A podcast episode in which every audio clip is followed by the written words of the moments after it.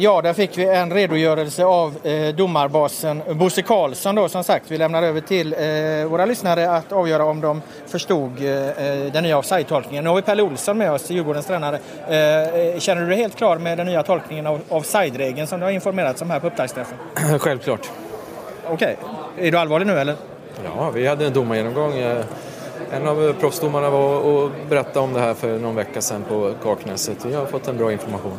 En helt annan fråga då. Varför tackar du nej till våfflan? Jag har försökt ge dig. Jag har ätit min våffla. Jag tror att Robert behöver den där våfflan bättre. Det ser du att jag inte gör. Du ser att jag inte heller behöver Förlåt, nu kan du fortsätta. Kan jag fortsätta min utfrågning om huruvida han förstår offside-reglerna eller inte? Ja, okej. Okay. Eh, om jag formulerar frågan så här. Tror du att eh, det kommer vara glasklart för alla som följer fotbollen, eh, de här liksom, bedömningarna kring den?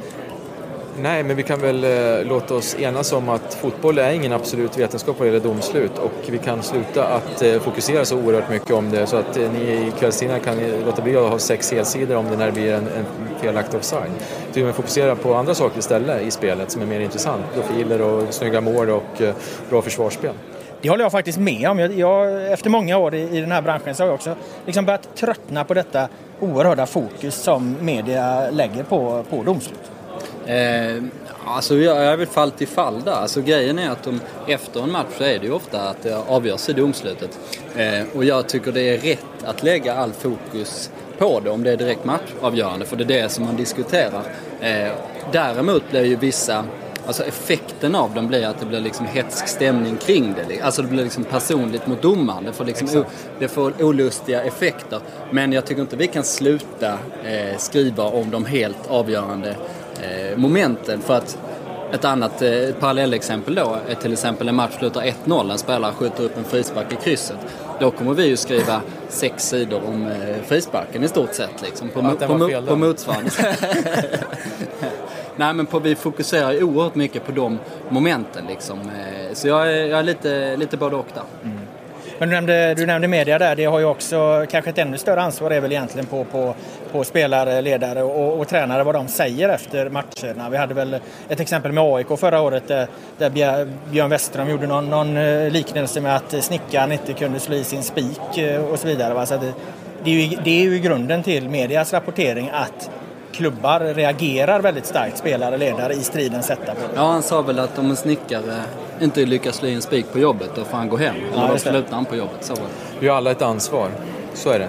Vi har alla ett ansvar. Jag hade också mina eh, åsikter om situationer i slutfasen av matchen som var matchavgörande. Man tycker att man, jag, men jag brukar försöka hålla, kolla på DVDn eller på videon och TV-bilderna efteråt för att, innan man säger någonting tvärsäkert. Utan det är väldigt svårt och, och, där ser man ofta, kanske oftare att domaren har rätt mot vad man tycker från bänken exempelvis. Jag, jag tror det är viktigt att hålla huvudet, huvudet kallt i de där frågorna. Så att, att eh, jag står inte här nu som någon riddare för, en utsänd för domarkåren men jag tror ändå det är viktigt att vi, jag tycker det skulle vara roligare om vi, om vi fokuserar på spelet och på matchavgörande saker i spelet.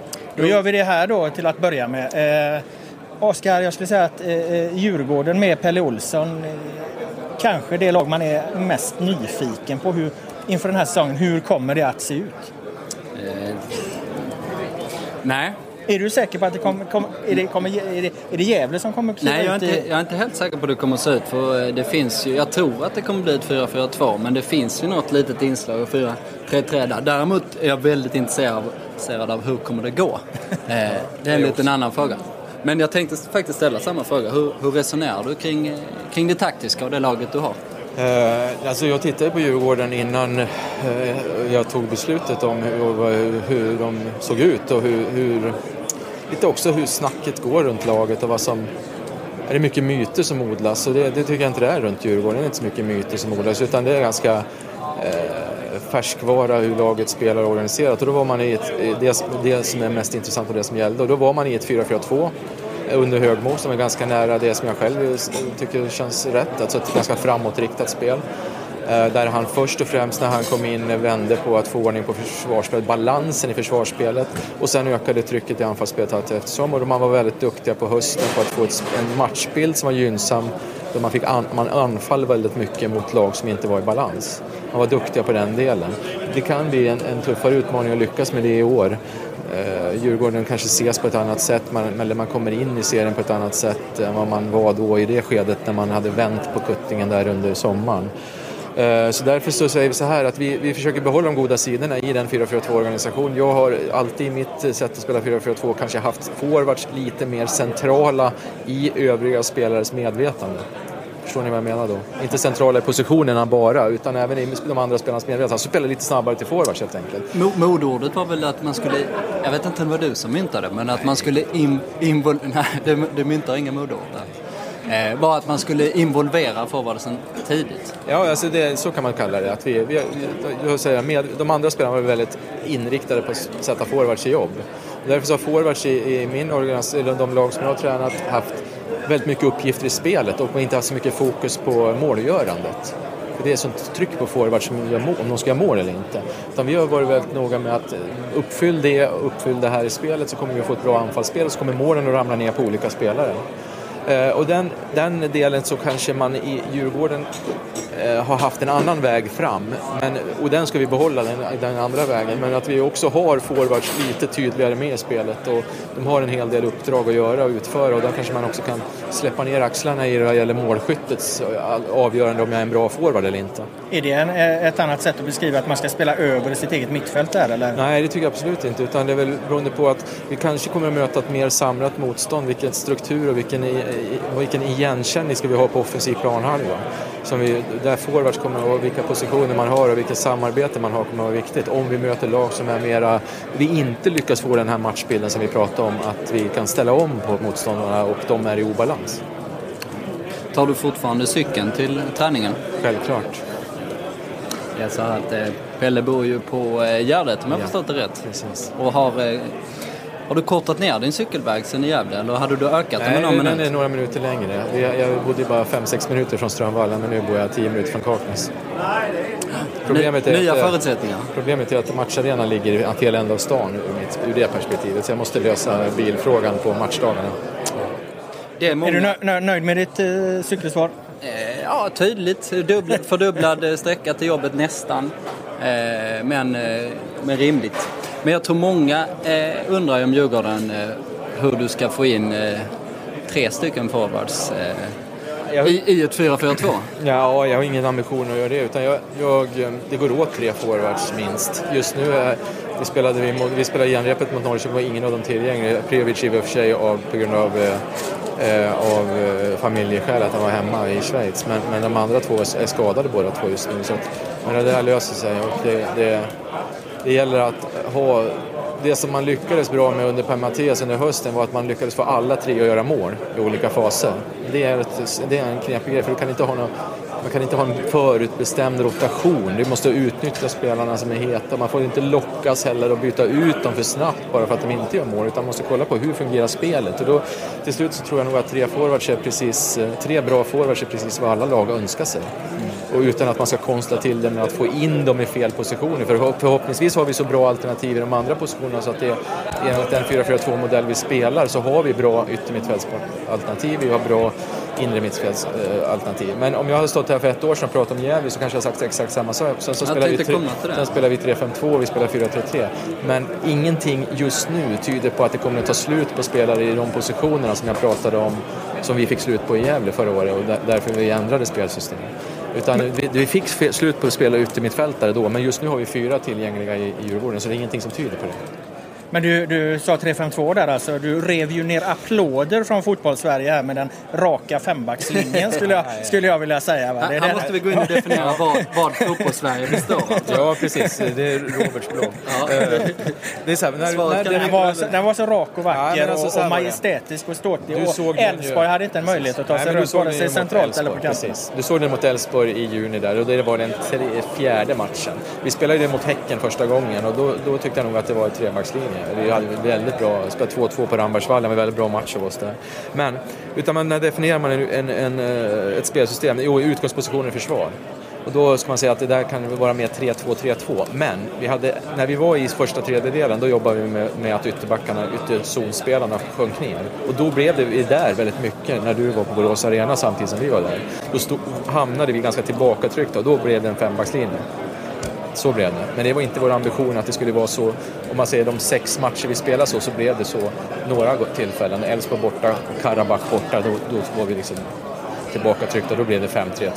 Absolut. Just eh, när det gäller den frågan, alltså det finns ju inte längre någon diskussion någonstans egentligen i, i, i fotbollsvärlden kvar huruvida man ska, hur många man ska ha i backlinjen utan nästan hela världen spelar ju med, med fyrbackslinjen nu. Det, det, det har blivit helt eh, totalt dominerande. Ja. Var, varför har det blivit så? Det finns några få Italien, enstaka. Italienska ligan har ju haft... eh, Ja, några, men det, Ja. det är även där liksom. Ja, Kollar du italienska landslaget så, så är det fyrbackslinje där. Och, De har ju på sig, landslaget har kört lite 3-5-2, 5-3-2 och, ju, och som, Juventus. som Pelle säger, Juventus eh, vi- vinner ju Serie A i stor stil med ett, en sån typ av uppställning också. Men eh, överlag så är det ju fyrbackslinje. Absolut. Herregud. Absolut. Kommer det alltid vara så nu då? Eller det, det, det, man har Nej, liksom nej, hittat, nej, man har hittat en, eh, Nej, jag tror det ultimata sättet. Absolut inte, utan fotboll är ju en levande mekanism på något sätt, om man kan kalla det fotboll för det. Men alltså det, det pågår hela tiden och det är så många människor som är involverade i det så det finns så många tankar. Så att det kommer att, att vara olika. Utan det som man ser är ju eh, att det är väldigt mycket att ytterbackarna högre och högre upp eh, och eh, det finns olika lösningar på det. Hur man droppar ner med en central spelare i uppbyggnadsfasen, skjuter fram ytterbackarna och in med yttre mittfältaren. Det är ganska många lag som spelar på det sättet. Eh, vi jobbar med lite grann på det sättet med ytterbackarna, eller yttermittfältarna in och ytterbackarna fram. Eh, men där är det en värdering. Ska vi göra det? Hur pass mycket ska vi gå fram mot Akam? Ska vi skicka fram högerbacken, Stefan Karlsson, i den ytan där Akam ligger och bara väntar på att ställa om? Naturligtvis kan vi inte göra det, utan där gäller det att vara jävligt noggrann med sådana värderingar. Men, men där, det, det är ett flytande, fotbollstaktik det kommer alltid vara flytande, det är det som är så härligt. En, Du- en ja. spelare eh, som slog igenom med dunder och brak i fjol, det var ju Daniel eh, Amarte. Eh, Precis han jag tänkte komma in på. Som eh, först var fenomenal på eh, innermittfältet eh, och sen lyckades vara nästan ännu bättre eh, som mittback, framförallt på slutet då, eh, av säsongen. Lite skadebekymmer nu i, i vinter, men eh, tillbaks i spel. Hur, Ja, han avslutade ju förra säsongen med en, en mask krokbenet och ett eh, gips för eh, båtbenet. Ja, han såg ut som han var rädd för, Ja. för strid. Men nu, nu, så han fick inte ha kontakt före 15 februari. Så att han kom igång egentligen på träningslägret i Marbella i slutet på februari och gjorde sina första matcher där. Och man kan säga att när vi har spelat med honom så har laget varit väldigt bra. Vi förlorade nu senast i och för sig när han var med, men annars har, laget varit väldigt starkt med honom i laget. Och han är en, ett eh, eh, naturbarn kan man säga i sin defensiva spelförståelse. Han är otroligt, otroligt bra, måste jag säga. Fantastiskt bra. Hur rankar du han i förhållande till de eh, talanger du har stött på tidigare under ditt fotbollsliv? Ja, de måste absolut topp. eh, topp. En av de absolut bästa. Så att jag, det är inget snack om saken. Att han, är, han, är, han har otrolig potential. Vad innebär det här då? Vad ett naturbarn med def- Ja, men alltså, han, defensiv jag, jag kan inte säga att jag har lärt honom någonting eller något speciellt hittills. Men han har en väldigt bra, när ska han droppa av, när ska han gå in i duell, när ska han eh, ta sina beslut i olika riktningar. Alltså väldigt bra defensiv spelförstå- uppfattning som man kanske säga. Utan han, han gör rätt saker i rätt tillfälle i det defensiva perspektivet om man säger. Och det, det han, han reder ut situationer över väldigt stora ytor som är imponerande. En allra sista fråga då. Är det kul på nya jobbet? Det är kul. Det är spännande framför allt. Så att hur roligt det blir avgörs ju tyvärr för mycket av tabell och resultat i det här, i det här livet. Och det är därför som man är, ser fram emot att börja. Men man vet också vad det kan innebära. Att det, det är förväntningar och på resultat och, och framgång och det vill vi inget hellre än att ha. Men det gäller att hålla huvudet kallt om det inte blir så. Att ha fokus på rätt sak, att vi jobbar med att och, och bli bättre och stabilisera oss över tid. Den definitivt sista frågan. Vänta bara, vänta bara. ehm, tappar jag i och för sig bort. Ja, det kom att, eh, Nej, jag bara skrattade. Jag hade, hade en till. Eh, Däremot säga att Andreas Alm eh, kommer knallande här. Får vi tacka Pelle Olsson och eh, ersätta Djurgårdens tränare med AIKs tränare. Kliv på Andreas. Kom in. Han äter också här, inte som sin eh, sportchef som åt våffla. Vill, vill du ha våffla eller? Um, våfflan faller inte långt från trädet, som jag brukar säga. Du syftar på Månsson där du. Du smög fram lite här, eh, lite som AIK har gjort. eh, under den här försäsongen, eftersom ni inte har varit med i Svenska Cupen, så har ju allting handlat om, om de lagen som är med där. Ja, vi har fått vår uppmärksamhet i Kina istället. 1,4 miljarder människor har sett oss istället. Så det, det är så vi arbetar. Det var ungefär som när Sverige mötte, mötte Kina i, i Helsingborg och eh, landslagets presschef Jonas Nystedt sa att eh, eh, Kinas förbundskapten måste komma före Erik Hamrén till presskonferensen och hålla den före. För det, för det sitter en, vad fan var det, en miljard kineser och väntar på den här presskonferensen efter en träningsmatch. Det var hans Ja, argument. ungefär samma. Och nu var det alltså 1,4 miljarder som Ja, det var sa- helvete. Ja, de, det är, ju- de förökar ju sig. Det är ju så det funkar i populationen. Så. Eh, men tillbaka till min fråga. Ni har Ja. fått smyga lite här i, i Så det. bakgrunden. Tror du lagen har koll på er ändå? Eller? Ja, Ni- ja, Göteborg varit och sett oss och de har koll på oss. Men jag tror att... eh, Ja, hyfsat. Vi har inte, vi har inte jättestor omsättning på, på varken ledare eller spelare. Så jag tror att den kontinuiteten gör att många lag känner att de, har, de vet ungefär vart vi är. Sen är det små detaljer. Men vi, vi har spelat mycket på låtsas. Och det är lite, lite frustrerande för man får ingenting att förhålla sig till. Man blir, det är klart en träningsmatch som du förlorar kan du bli frustrerad. Men du blir aldrig riktigt så där jävla arg som du blir när du förlorar en allsvensk match. Och du är aldrig så där vansinnigt glad heller. Utan det, det är någon form av eh, försäsongslimbo som man genomgår och då eh, är det skönt att det börjar en diskussion kring AIK som, som vi har haft och man har snappat upp bland supportrarna. Det är ju, det är den här som rör balansen på mittfältet, Oskar. Hur, hur, hur, AIK ska fungera där med, med Borgis då som, som given. Men eh, är det Moro eller är det Quaison och hur det då liksom förändrar ett spel? Hur tänker du kring det? Eh, Robin, det ska man lägga lite fakta på det. Måste vara lite. Robin spelade nio matcher 2013 från start på centralt mittfält. Eh, och en av dem förlorade vi. Det var Malmö borta som vi förlorade. Så att Robin har redan spelat centralt, det ska man ju fastställa. Eh, han har tagit kliv i år eh, vad det gäller både uthållighet och eh, tycker jag, positionsspel. Så det är klart att det gör honom ännu mer aktuell. Och det är klart att ja, hur länge ska en spelare som är, som är född 93 äta sig in från kanten och när ska han börja spela centralt? Kan man göra det mot olika motstånd? Eh, och så vidare. Och plus att lägga till konkurrenssituationen som inte bara är Moro utan det finns, det finns fler spelare än så. så att det, det är en helhet, men det är klart att jag vill inte ha 50% Borges eh, bara för att Robin spelar bredvid. Då får man 150% totalt eh, kanske. Då, utan jag vill ha 100% Celso också, så det är lika mycket Celso som ska eh, växeldra med Robin när, det väl är, när väl de spelar.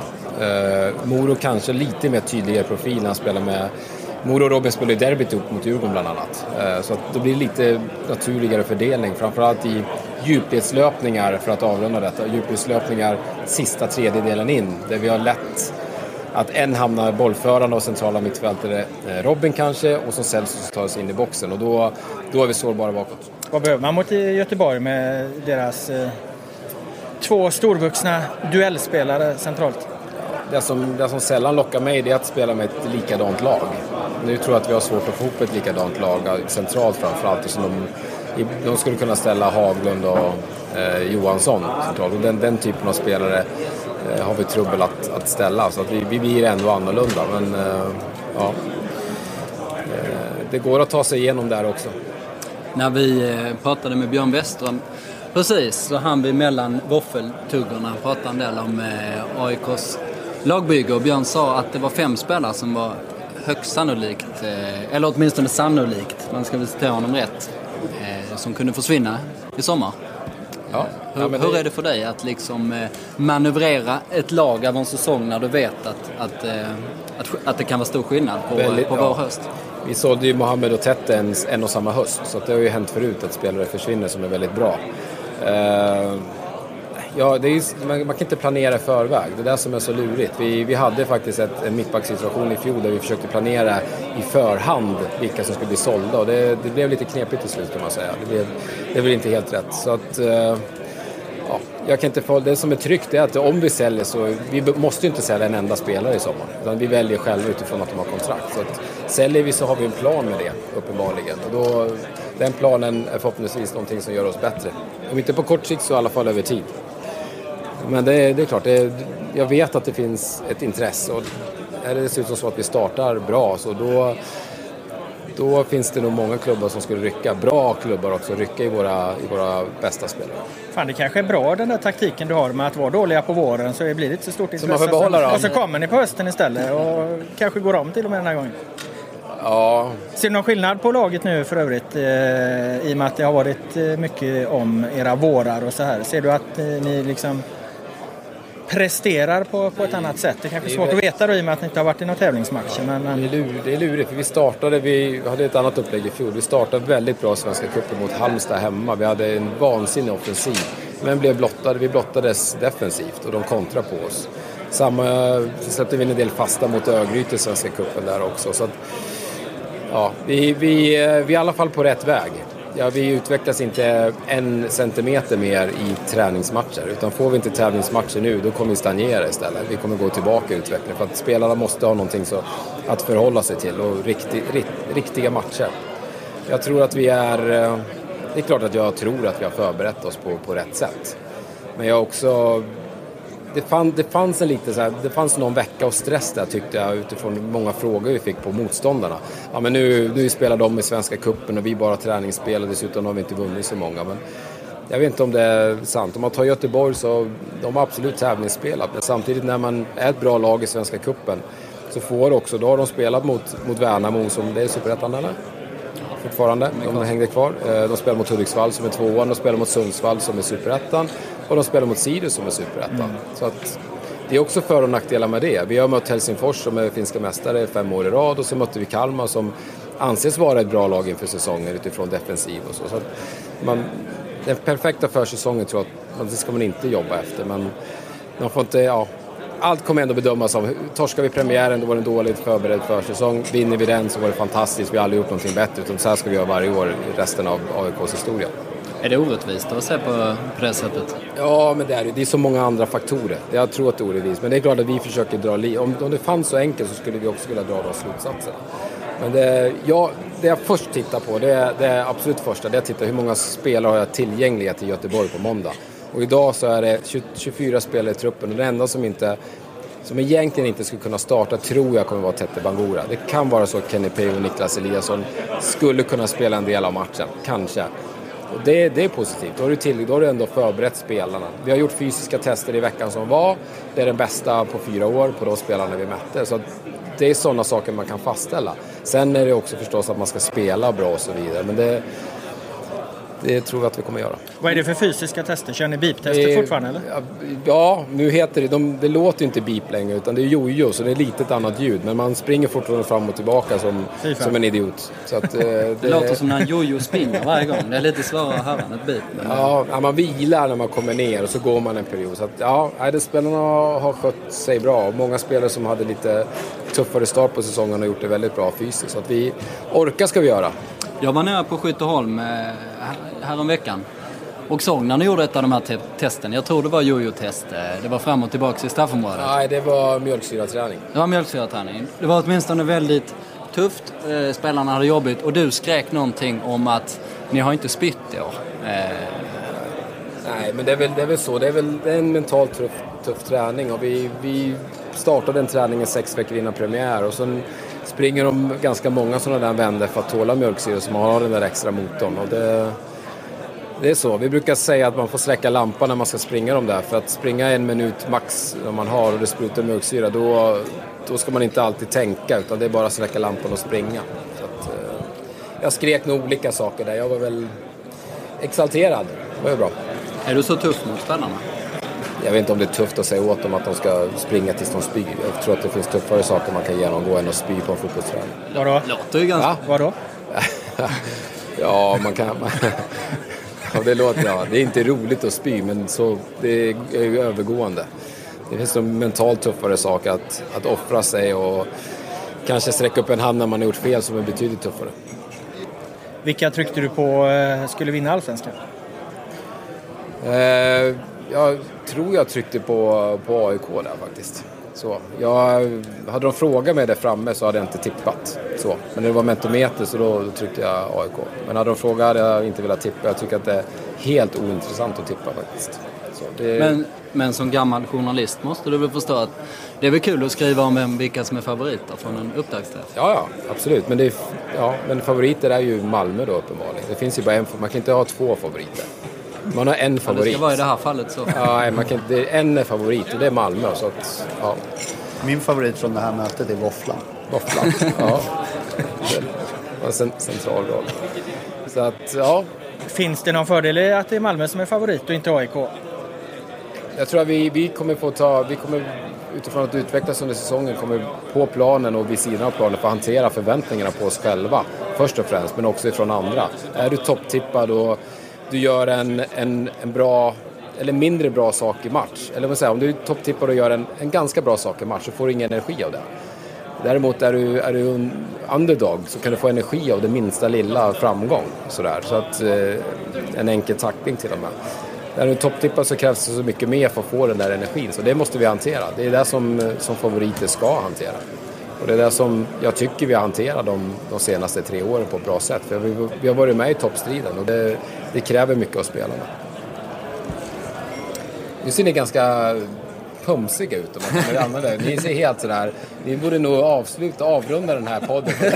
Ni ser båda ganska vattniga och tomma ut i blicken. Kan, kan vara en eh, det, relevant iakttagelse. Ja, men jag, jag tror fan han har helt rätt. Alltså, vi, har, det, det var fågelholk vi, vi, har stått, vi, har, vi har stått här i en timme och 40 minuter nu. Ja. Eh, så ska det väl klippas ner lite. så att denna... eh, det kanske inte blir riktigt en timme och 40 minuter. Men vi tackar dig för att du var med. Och vi tackar Björn, Björn för att Björn kom in igen. Ja, tack så mycket. Andreas Alm och Björn Westerström som gjorde en kort comeback där från AIK. Och eh, ja, det ligger väl något i det de säger där att eh, vi har stått här och, och Ja, när jag tittar på dig så ser du lite vattnig ut i, i blicken faktiskt. ja, du sitter så jävla mycket bättre ut själv kan jag ju meddela.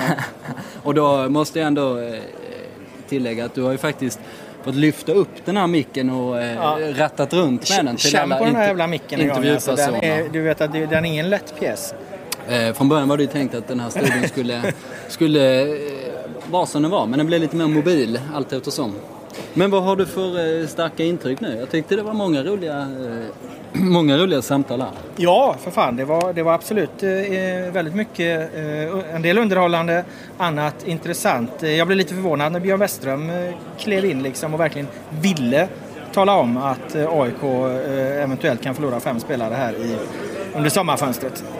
Det är ju normalt inte vad man brukar kliva in och säga utan då brukar man ju svara ungefär ja vi får väl se vad som händer med truppen och så vidare. Ja. Ja, vi har, de har kontrakt hit och dit och så. Att det, där fanns en, en tydlig signal att han, att han vill signalera att eh, det kanske inte går eh, riktigt så på räls som det kanske ser ut nu. Då. Jag vet inte. Så kan det ju vara. Eh, jag är inte exakt säker på hur man ska tolka det heller men däremot är jag övertygad om att utspelet är ingen slump utan det säger han för att det här ska få spridning. Jag tror det kan vara, eh, om man spekulerar, det kan vara en signal till spelarna att kommer du till AIK eh, så har du alltid chansen att ta nästa steg när du väl är redo så att säga. Eh, kanske en signal till eh, andra intresserade klubbar med tanke på att han i samma andetag säger att eh, de är så pass bra så det är därför de kommer lämna eh, och så vidare. utspelet är definitivt planerat. P.O. Jung där, vad tyckte du om honom? Var, var första gäst Eh, nej, jag tycker han är rolig och, och eh, det är en profil. Alltså, det handlar ju om att, och, att få igång P.O. och jag läste upp någon form av hyllning till honom där som jag hade skrivit i Allsvenska Bibeln. Men, men det står jag för. Jag föreslog faktiskt honom eh, eh, som att Erik Hamrén skulle ta hjälp av honom i, i, landslaget just för att få det här defensiva hökögat som, som jag tycker att eh, P.O representerar. Och eh, det visar han ju definitivt i Superettan i fjol att, att, han, att han kan sätta en, en väldigt bra defensiv. Du fick ju Malou von Sivers att framstå som en skjutjärnsjournalist med den eh, världsrekordinställsamma inledningen till ja, PO. Den kanske blev lite för inställsam. Men å andra sidan, vad fan, alltså, jag tycker mest, det man mest gör det är ju liksom att kritisera och ifrågasätta. Sen man liksom någon gång bestämmer sig för att ta fokus på på något mer positivt så, så, så vet det är fel att lyfta fram. Sen tyckte jag ju då att jag hade lyckats för en gångs skull formulera mig, mig eh, ganska så roligt. Så. Ja, det jag kan sakna lite eh, då det är att vi kanske skulle haft hit eh, Eh, eh, någon från IFK Göteborg då med tanke på att eh, eh, det händer mycket där med, med sportchefer och så vidare. Gör vi en utblick här Månsson? Nu pratar vi runt det väldigt mycket vilket gör att vi parerar lite. Däremot saknar jag ett eh, Malmö FF. Eh... Mästarna har vi där också. Åge Hareide glider ju omkring där. Det är inte han som står där borta för övrigt. Åge har eh, nog lämnat lokalen tror jag. Jaha. Men du vill ha in en gäst till? Eh, nej, jag tänkte just på någon av dem. Kan vi få in eh, Malmö eller Göteborg så är det klart att, att Då gör vi det. Intressant, va?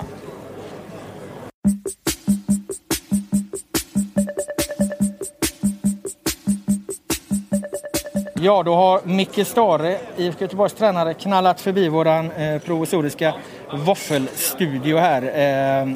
Vi högg honom från ett ganska kärvänligt möte med premiärmotståndarna faktiskt. Andreas Alm och Björn Western. Ja, vad och pratar ni Kenneth om? Goitom.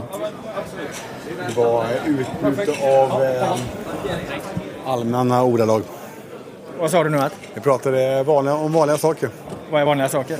Typ eh, vinter-OS. Ni...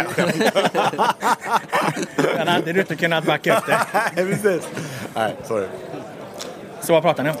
Inget speciellt. Jag kommer inte ihåg, hur, kommer inte ihåg faktiskt vad vi, vad vi pratade om. Det kanske var gamla minnen och eh, från eh, old times.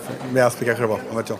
Det verkar vara en känslig fråga. Vi fortsätter på det spåret med känsliga frågor. Eh, för att du och övriga allsvenskan fick ju kritik av Kim Bergstrand efter, efter er cupförlust där att, att allsvenska lag är så primitiva. Vi har frågat runt lite bland, bland tränare vad, vad, de, vad de tycker om det. Vad, vad säger du om Kims uttalande?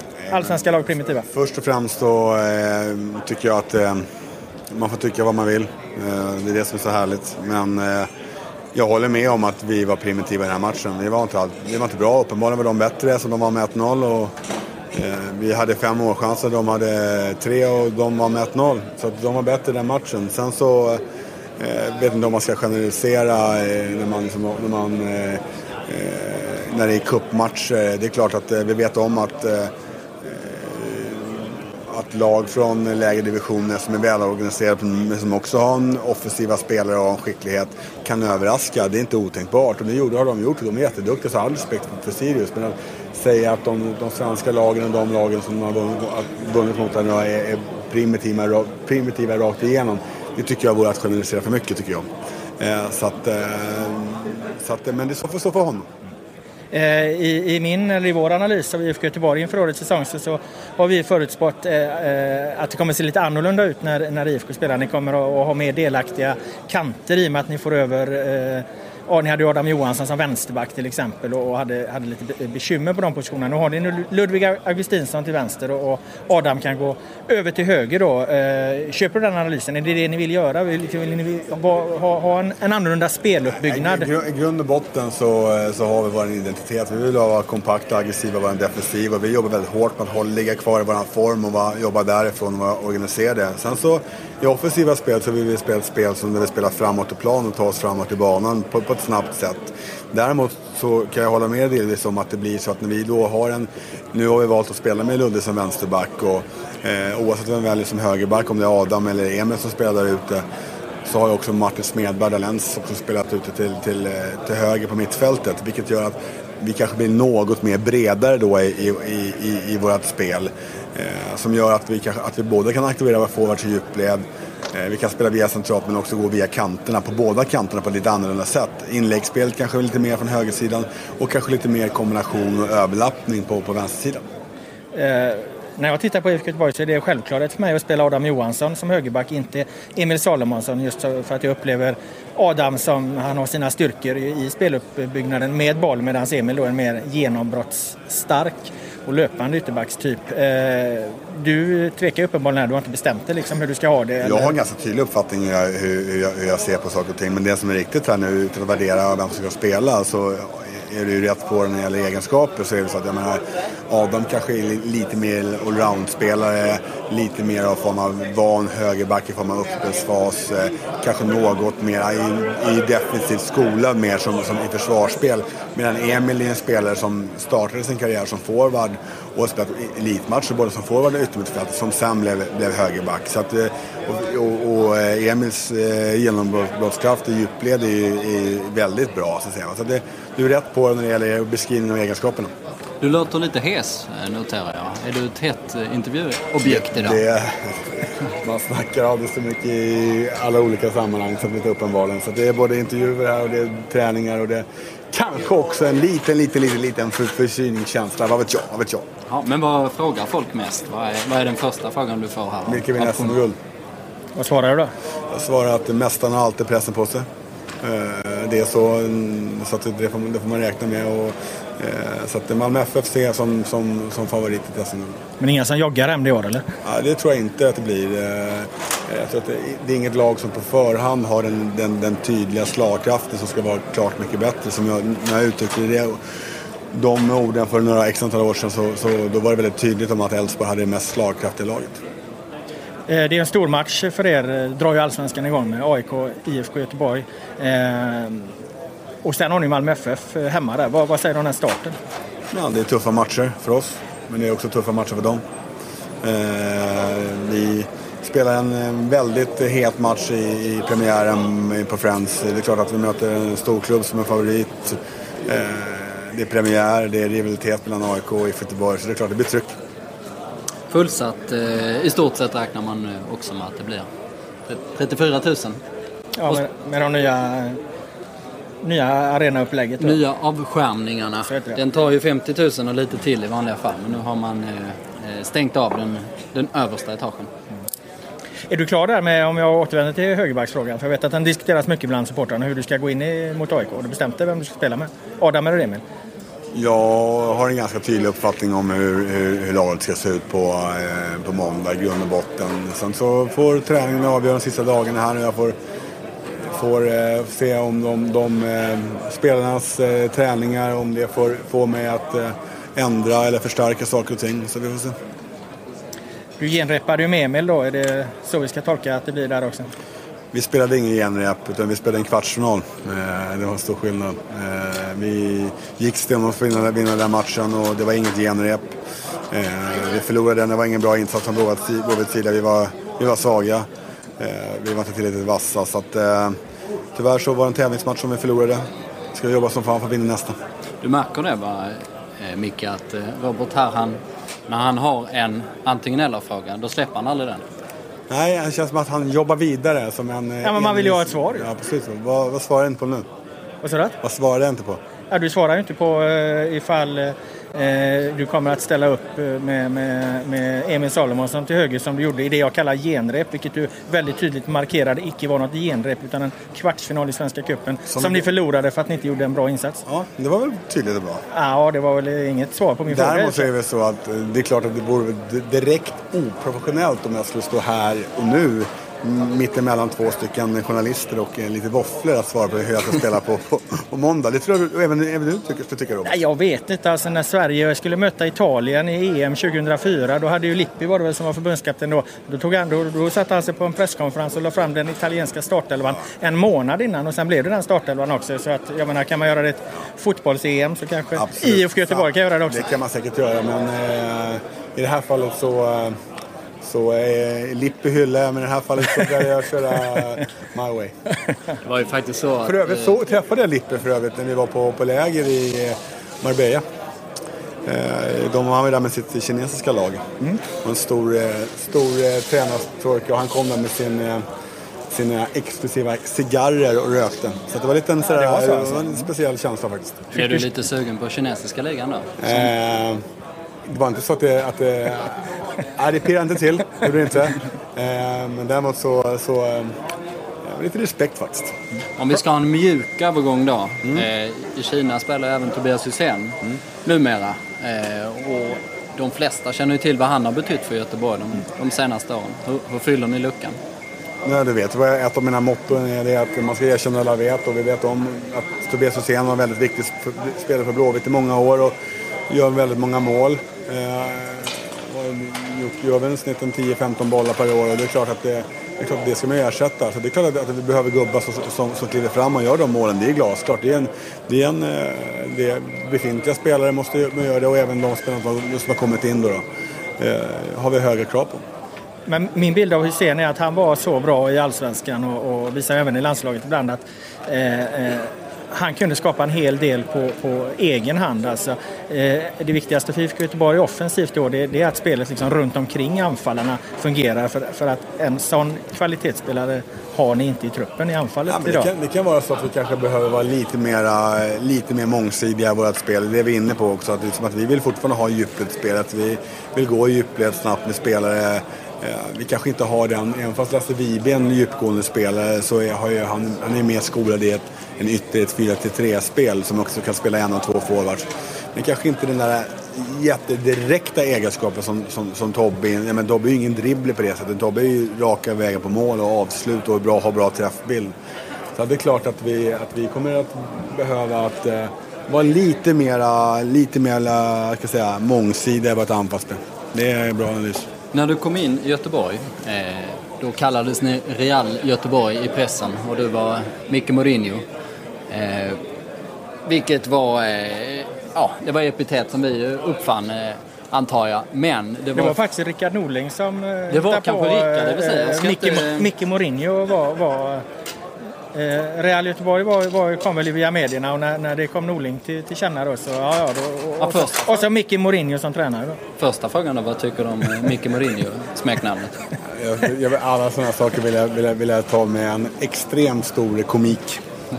Eh, så att, eh, kosmetika. Men som sagt så är det så att det är media sitter i media och det blir sådana saker. Typ, så att det, det får man väl ta någonstans. Min, eh, jag ska bara återgå till det här då. Första säsongen, eh, ganska många etablerade spelare som skulle plockas in, stuvas in i en elva. Jag tror du själv var inne på att du försökte göra lite för mycket på en gång.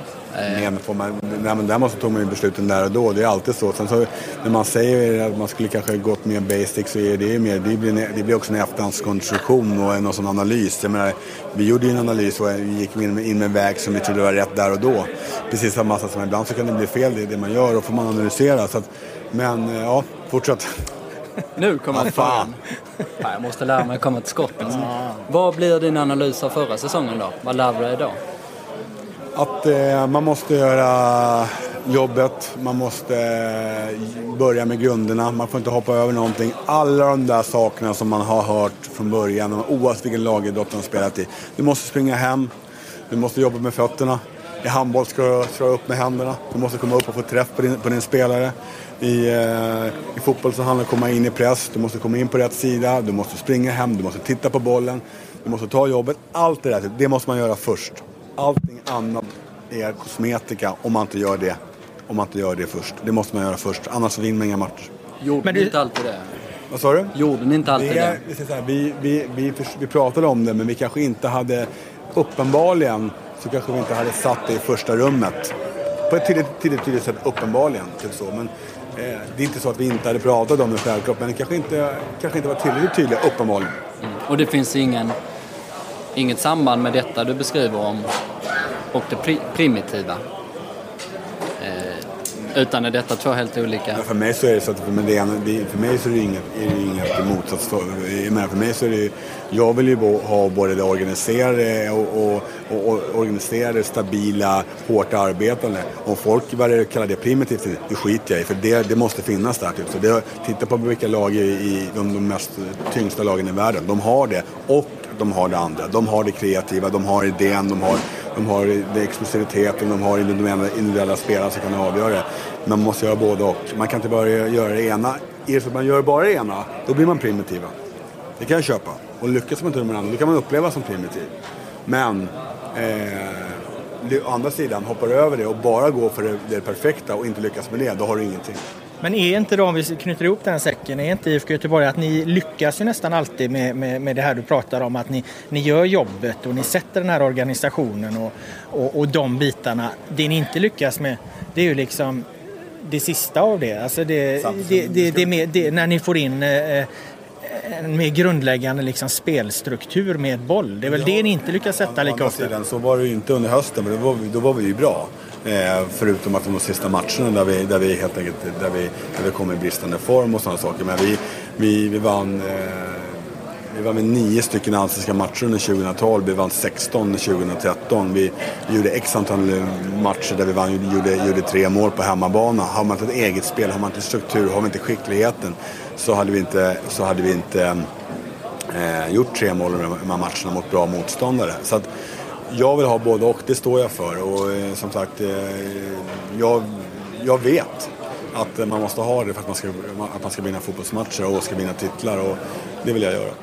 Har vi något mer på eh, Stare, Oskar? Jo, Nej. absolut. Det har vi definitivt. det hade Eh, vad tycker du om Mats Gren? Förlåt? Vad tycker du om Mats Gren? Det är en tränare i Jönköping Södra.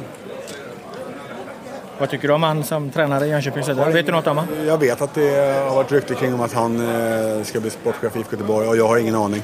Eh, jag har bara läst i, i media så att eh, jag har ingen uppfattning. Han är tränare i Jönköping Södra så att jag känner inte honom alls.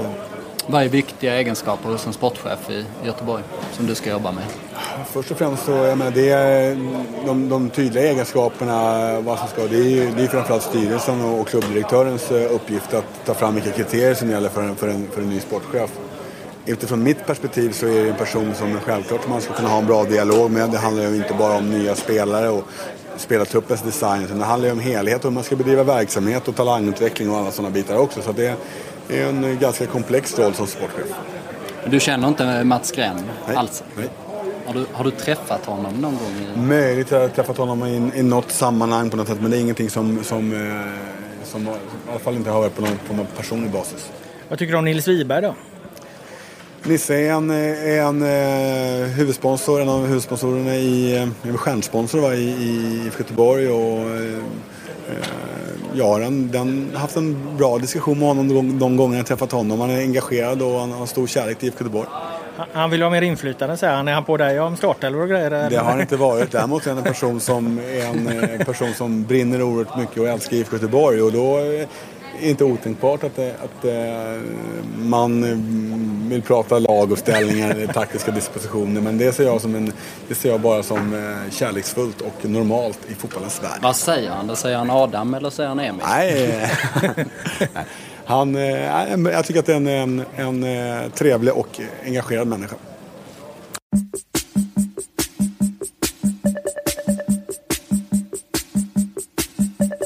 Tillas. kommer Lasse Vibe här också, min eh, snabba offensiva spelare i laget och titta på klockan att nu vill han hem också. Ja, du får se till att hänga med nu. Bra gubbar. Tack så mycket. Tack. Lycka till. Ja, det var Micke Stare det och eh, IFK Göteborgs tränare och då eh, börjar det tunnas ut på golvet här Oskar Månsson. Nu har vi hållit på länge och väl här. Ja, nu är inte ens Gerhard Sager och hans eh, hår kan vi väl konstatera som... Eh, Ah, lite, lite hår hade han faktiskt. eh, inte, inte ens han är kvar här. Om vi ska plocka upp ett spår från våran förra podd. Nej men ska vi ta och stänga den här butiken eh, med det? Det jag, tycker jag. Jag fick inte riktigt svar på, på, på frågan om eh, Emil eller Adam ska spela för IFK Göteborg där. Eh, men jag har ju min bestämda uppfattning om att jag tycker att Adam Johansson ska göra det och jag antar att Stare kommer att komma fram till samma sak. när han funderar lite på sin kammare.